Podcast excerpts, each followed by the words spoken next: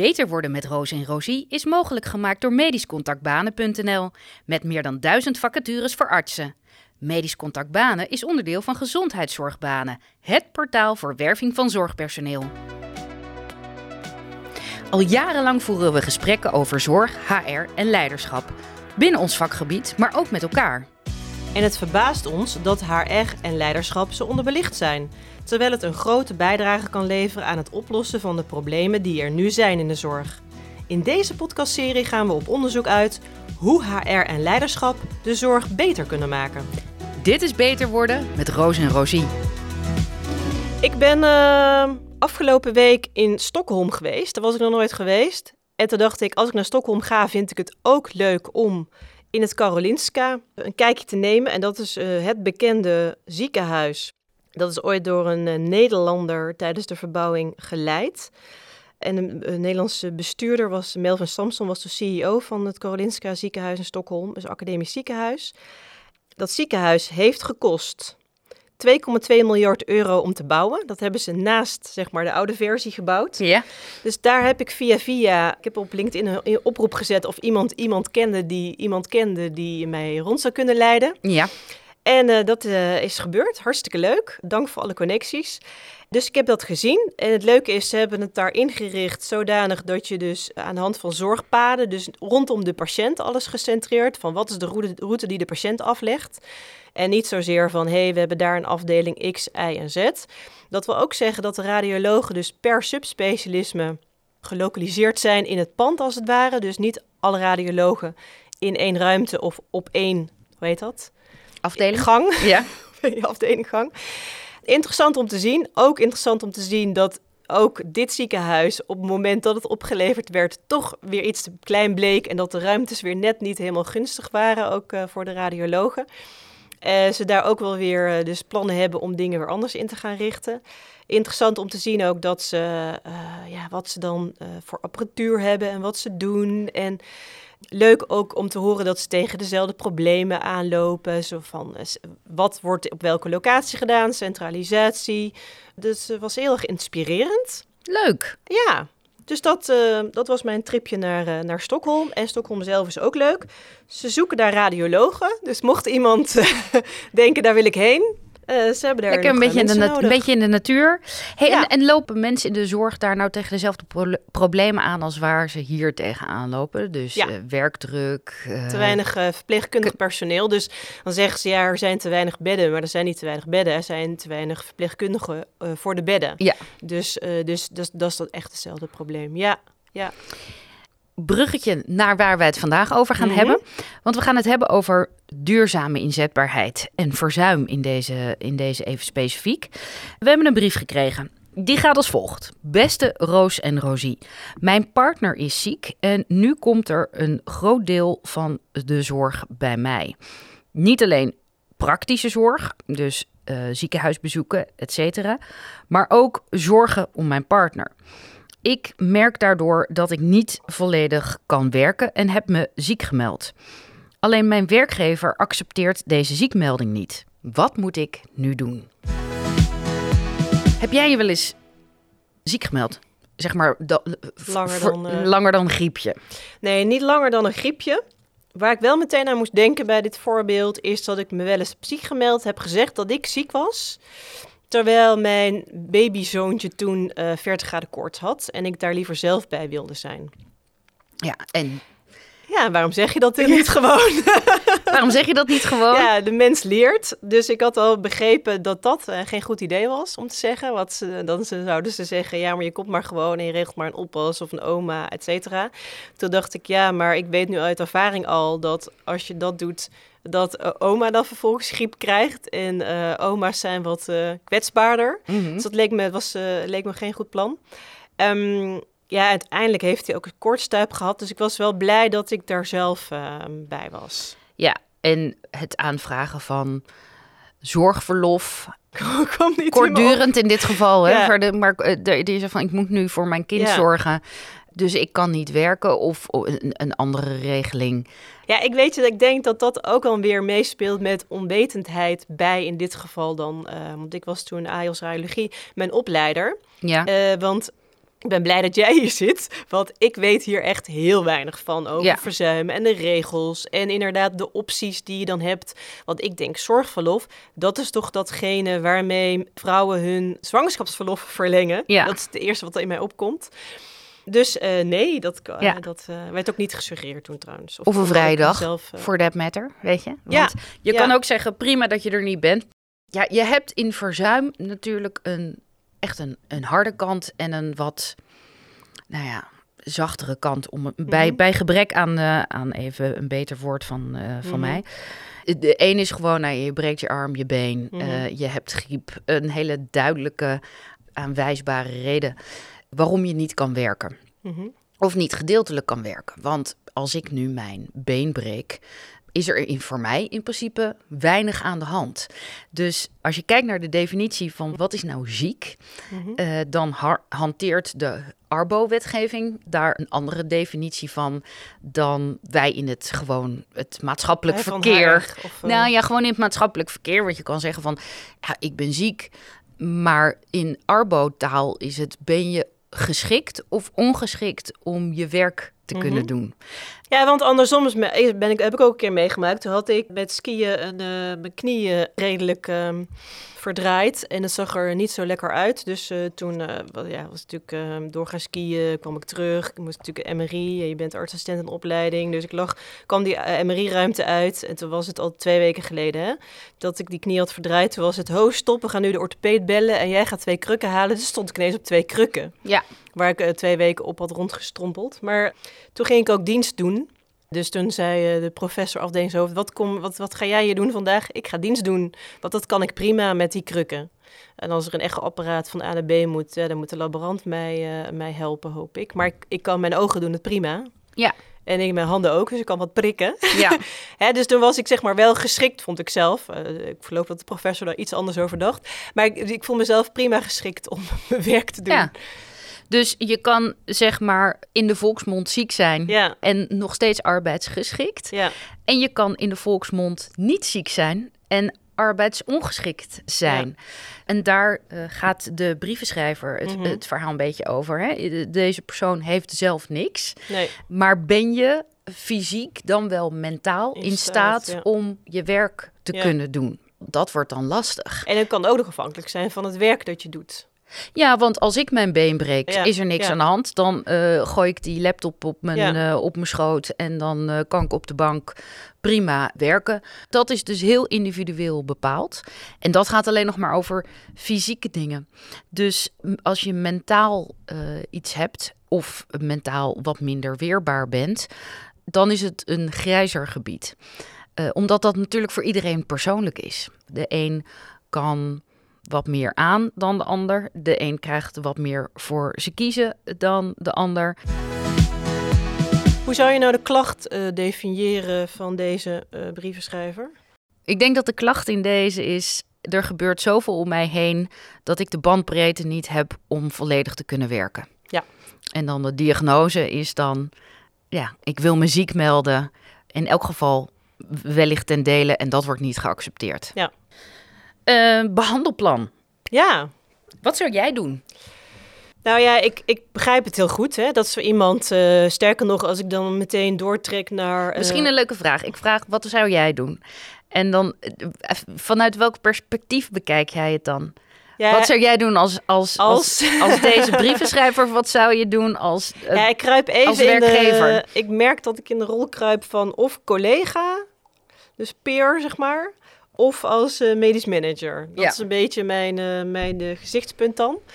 En dat ik ook meteen dan vanuit de andere, of tenminste ook meteen denk van oké, maar wat, wat is dan goed voor, voor degene die dat, die dat werk al dan niet gaat doen? En op de lange termijn ook, hè? Want het kan ook zijn dat als je iemand nu alsnog inzet, dat je daar op lange termijn juist dan veel meer problemen mee krijgt. En anderzijds, wat is goed voor de patiëntenzorg? Want uiteindelijk, het product dat geleverd moet worden, is goede patiëntenzorg. mhm.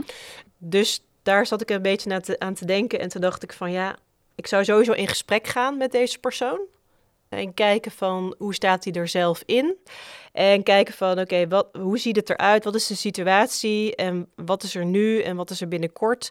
En wat is het plan van diegene? Want ik denk wel dat het belangrijk is dat diegene inderdaad uh, dus niet alleen maar zegt: ik wil muziek melden. Dat accepteren jullie niet.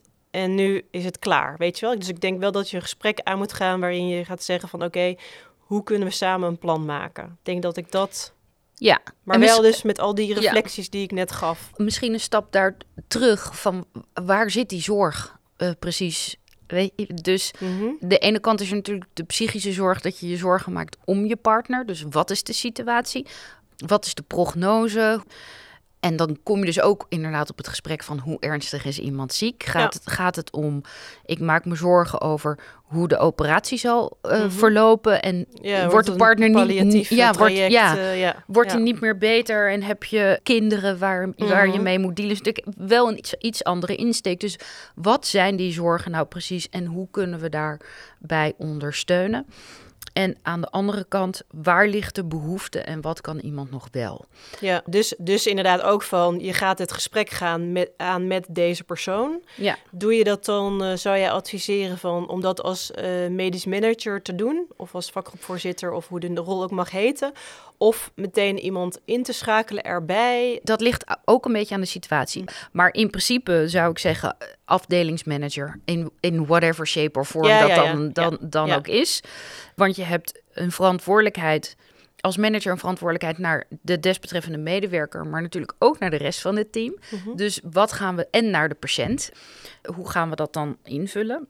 Kijk, als het doel is en uh, dat is om de medewerker zo goed mogelijk mhm. eh, terug te brengen en goed is daarbij een afweging tussen duurzaam maar ook op het juiste tempo. Weet je, je wil hem mhm. natuurlijk zo snel mogelijk helemaal terug hebben, maar wel op zo'n manier dat dat duurzaam uh, is. Ja, dan zal dat de focus hebben. En daarna moet je dus inderdaad kijken, oké, welke impact uh, heeft dat allemaal? En dan is het ook de vraag, want jij zegt van, nou dan ga je, moet er een plan komen? Dat moet er inderdaad komen. Maar de vraag is even, is de medewerker überhaupt in staat om daarover na te mhm. denken? Dus op een gegeven moment kan het ook zijn dat je daar toch iets sturender in bent. En dan kun je dus gaan kijken, oké, zie ik deze persoon als niet in staat om zijn of haar werk uit te voeren, dan kan dat op basis van ziekte. Maar daar zijn natuurlijk tussenoplossingen ook wel uh, mogelijk. Hè? Dus inderdaad een gedeeltelijke ziekmelding. Of dat je zegt van nou, los sommige dingen als het praktische dingen zijn. Als het gewoon is van ja, ik kan mijn werk wel uitvoeren, maar ik moet twee keer per week naar het ziekenhuis met iemand. Daar kan het af en toe een beetje wringen, want dat zijn vaak persoonlijke keuzes. Hè? Mhm. Uh, in die zin dat uh, ik heb in mijn omgeving meegemaakt dat, uh, dat iemand uh, vijf, vijf weken lang elke, elke dag bestraft moest uh, oh worden. En gewoon lekker in zijn eigen auto er naartoe ging en daarna doorreed naar zijn werk. En ik heb meegemaakt dat een partner daar gewoon elke dag bij is, is geweest. Ja. En dat spectrum is er. Ja, ik heb ook, en, en heb je ook nog de tussenvorm dat iedere keer iemand anders dat ja? Dus dat, er dat vrienden en familie, ja. vrienden en familie daar een, een schema voor maken. En dat is goed om te bespreken. Van er is een spectrum en waar zit jij op dat spectrum zonder, zonder daarover te oordelen? Mm -hmm. Want het is natuurlijk wel aan iemand zelf om te kiezen hoe je dat wil doen. Wat wel impliceert dat als jij ervoor kiest om elke dag dat te gaan doen wil niet zeggen dat je daardoor fysiek of mentaal niet in staat bent om je werk te doen. Hè?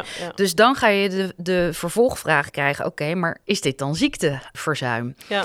En dat is natuurlijk altijd een lastige, want dan kom je op het vlak van: oké, aan de ene kant de werkgever, ja, dit is iets wat een medewerker graag wil bij zijn partner zijn. Snappen wij, willen we best over praten, maar uh, dit komt niet door verzuim.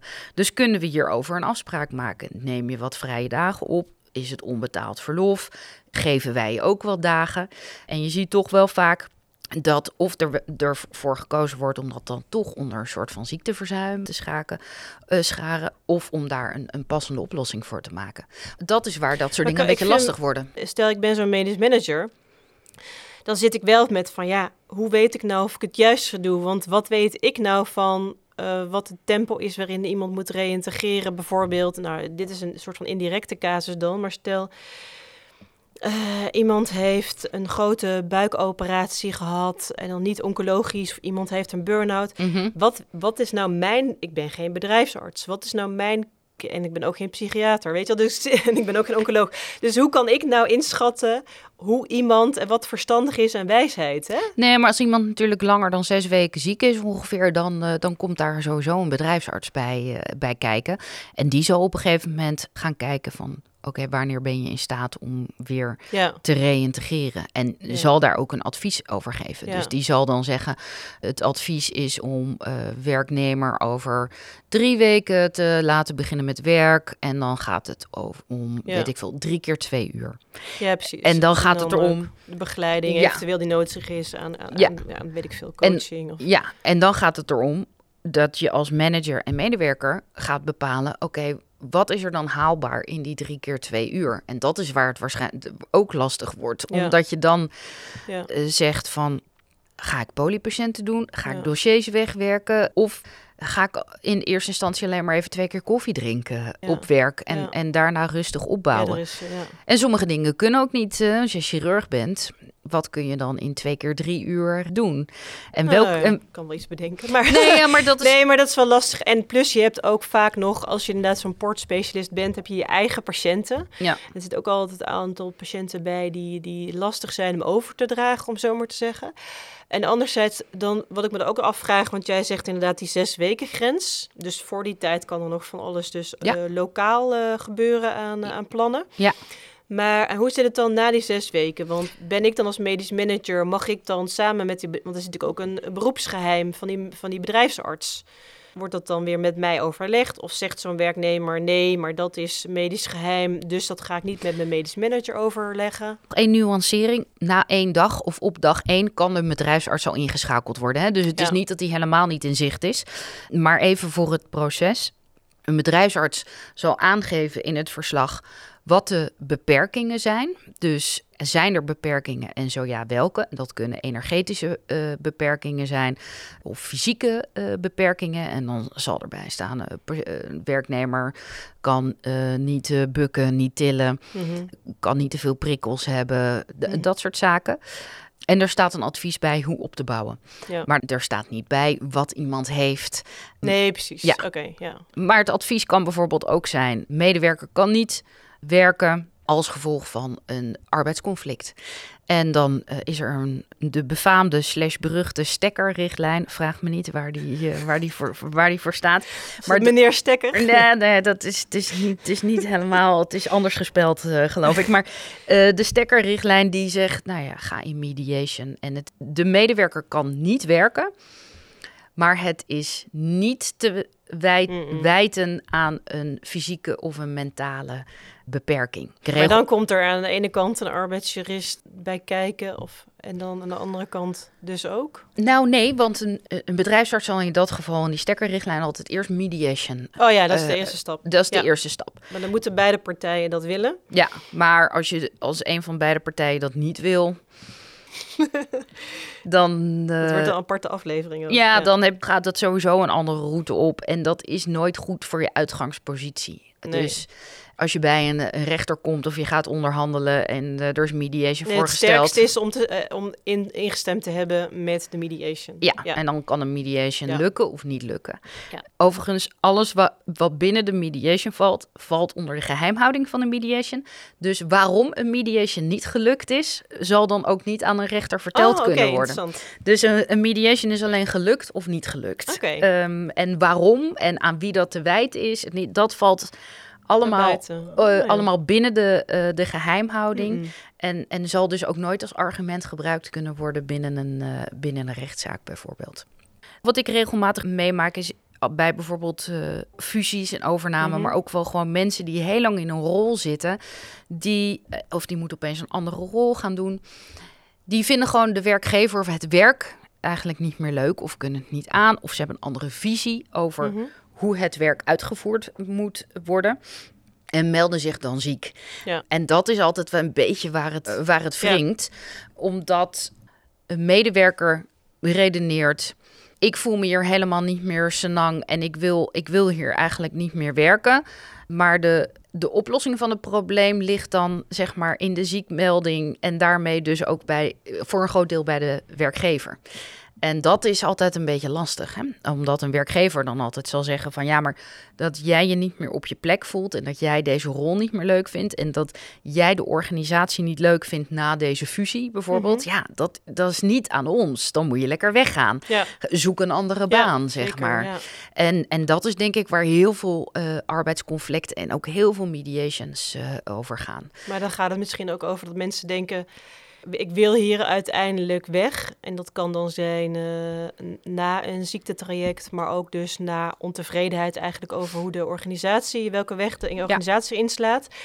Maar dan misschien denken... ja, maar ik wil er wel het maximale uithalen. Ga niet zonder poen. Precies. Ja. ja. Dus, en daar zit dus heel veel eh, mediation inspanning in, Ja. zeg jij. Ja. Ja. ja. ik kan me voorstellen. En ook heel herkenbaar deels. Even plat slaat stel, ik ben ziek thuis. En Ja. ik ben inderdaad wel degene die eh, zijn been gebroken heeft en eh, niet kan opereren of weet ik nou, whatever. Heel, 100% zeg maar op dat moment arbeidsongeschikt. Ja.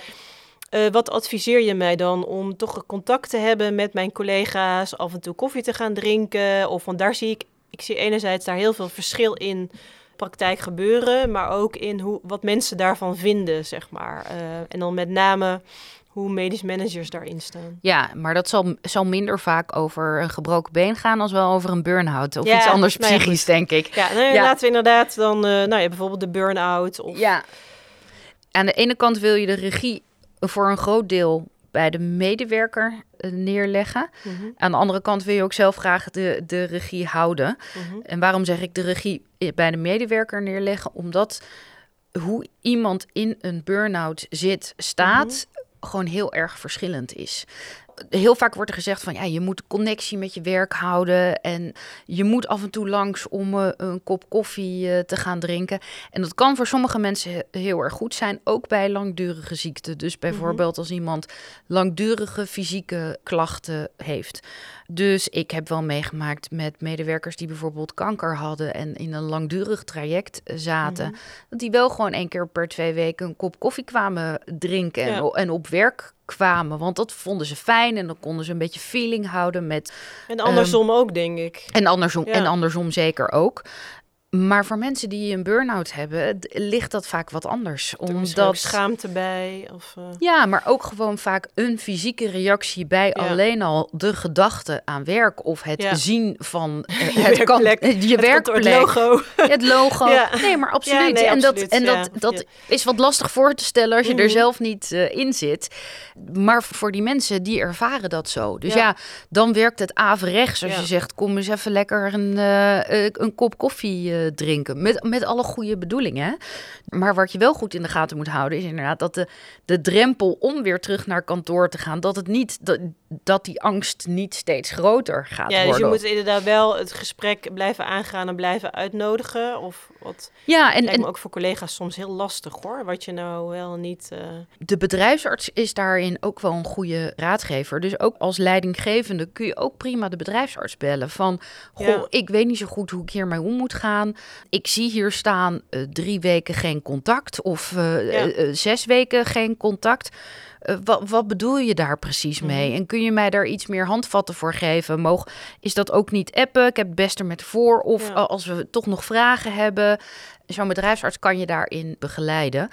Wat volgens mij mensen heel vaak moeilijk vinden, is dat mensen eh, zeggen van ja, nou kan niet werken, maar dan, eh, ja, dan zie ik wel dat iemand wel op een congres is Ja, of op ja, de golfbaan dat, staat. ja, Eh, vakantie gaat. vakantie gaat, ja, dat is ook lastig. Kan ik me voorstellen als jij denkt van, eh, ja, ver- verdorie, ik Maar loop dat hier dubbele diensten. met eh, de, de bedrijfsarts die op vakantie gaan. Of, Of vakantie gaan tijdens ziekte moet je overleggen. Maar kan heel goed, goed helpen. En het einddoel in het oog houden is daarbij heel erg belangrijk. Dus Mhm. Maar dat heeft ook met die opbouw weer te maken. Hè? Dus Ja. als je iemand te snel weer gaat belasten en uiteindelijk dat hele traject daardoor langer duurt, precies. dan eh, schiet je er ook niet veel mee op. Ja, en, en misschien is eh, eh, op een informele manier met collega's opgaan, bijvoorbeeld op een congres, Ja. een hele goede manier. Ja. En misschien is dat wel, zijn, is dat wel te veel prikkels. En hetzelfde geldt voor golf of een potje tennis. En wat zou je nou deze, deze de briefschrijver, schrijfster adviseren? Want ehm, de ziekmelding wordt niet geaccepteerd. Ja. Ik zou en de brievenschrijver willen adviseren, ga met de werkgever in gesprek. En de werkgever zou ik willen adviseren, kijk naar wat er mogelijk is. Dus je kan altijd naar een bedrijfsarts. En ook bij jezelf te raden gaan, oké, kan, ik heel, kan ik helemaal niet werken? Of kan ik bepaalde dingen wel? Of heb ik praktische tools nodig? Mhm. Of wordt het me allemaal te veel? Heb ik meer eh, misschien eh, psychische ondersteuning nodig, waarbij ik praat met bedrijfsmaatschappelijk werk? Hey, en we zitten nu de hele tijd te kletsen. En we hebben het over de, de dokters en de zieken en de medisch managers en over bedrijfskundigen of over bedrijfsartsen. Maar ik heb HR nog niet gehoord. Want eh, jij weet er heel veel van. Ja. Maar wat is de rol Ja. van HR? Ja, nou weet je dat ik dat, dat vind ik eigenlijk een lastig om te zeggen, omdat... eh, Zit dat meer aan de preventieve kant? Nou, de- de HR heeft met heel veel dingen veel te maken. Dus heeft Ja. veel te maken met duurzame inzetbaarheid. Mhm. Heeft heel te, veel te maken met hoe, hoe voelt iemand zich op zijn werk. Heeft vaak ook te maken met, Verzuimcijfers en zo. ja, en met, ar, met Arbo-diensten en ook met Arbo zelf. Ja. Dus wat zijn de werkomstandigheden en hoe zit je daarbij? bij? Ja? In dit geval ja, kan HR een adviserende rol hebben en een ziekenhuis kan ook eigen case managers in het Arbo-team hebben. Dus heel veel, sommige Dus ziekenhuizen. verzuimconsulenten. Ja, bijvoorbeeld. Ja, dus Ja. eh, ik denk dat best een aantal ziekenhuizen een interne Arbo-dienst Mhm. heeft, bijvoorbeeld. Ja. Ja. en dan zit, zitten daar ook case managers bij die dus jou als manager kunnen helpen, maar die ook jou als medewerker kunnen begeleiden. En hoe zit dat dan? Want hebben die ook beroepsgeheim? Nou, beroepsgeheim weet ik Ja, niet, de maar bedrijfsarts heeft dat Nou, natuurlijk. ja, bedrijfsarts. En ik, eh, ik, ik neem aan dat. eh, Verzuimconsulent dat ook. eh, ja, of dat, nou, of dat nou officieel beroepsgeheim heet, dat weet ik niet. Maar die, die zullen absoluut voor een geheimhouding hebben, hebben getekend. Dus, Ja, want je moet er natuurlijk wel met een goed gevoel naartoe kunnen. Ja. het, maar dat zal absoluut in de Arbo-contracten en in de arbeidsovereenkomsten en zo staan. Even kijken, moeten we nog iets eh, eventjes samenvatten? Ja. De klacht was, ik ben niet 100% eh, eh, arbeidsgeschikt op dit moment. Ja, Gezien de situatie van mijn partner. En de diagnose was, ik wil me graag ziek melden, maar mijn ziekmelding wordt niet geaccepteerd door de werkgever. Eh, wat kunnen we hieraan doen? behandelplan is ga met elkaar in gesprek. Voor de werknemer, kijk wat, er, eh, wat je wel kan eh, en hoe je daar bepaalde invulling aan kan geven. De werkgever ook, kan ik, kunnen wij faciliteren wat de werknemer wel kan en welke oplossingen zijn daarvoor. Waarbij ziekte uiteindelijk denk ik de laatste oplossing is. En een combinatie van nou ja, zorgverlof, vakantiedagen, eh, ook een optie zou kunnen zijn als het gaat om arbeidsgeschiktheid. Ja. En of iemand ziek is, heeft dus te maken met of is iemand eh, in staat en geschikt om zijn werk te doen op basis van fysieke en, en mentale factoren. En als het antwoord daarop ja is, ben je dus niet arbeidsongeschikt, ben je voor de wet ook niet ziek en moet je dus in principe naar andere oplossingen kijken. Ehm, maar mm, tot een compromis komen in dit soort situaties is vaak de beste oplossing.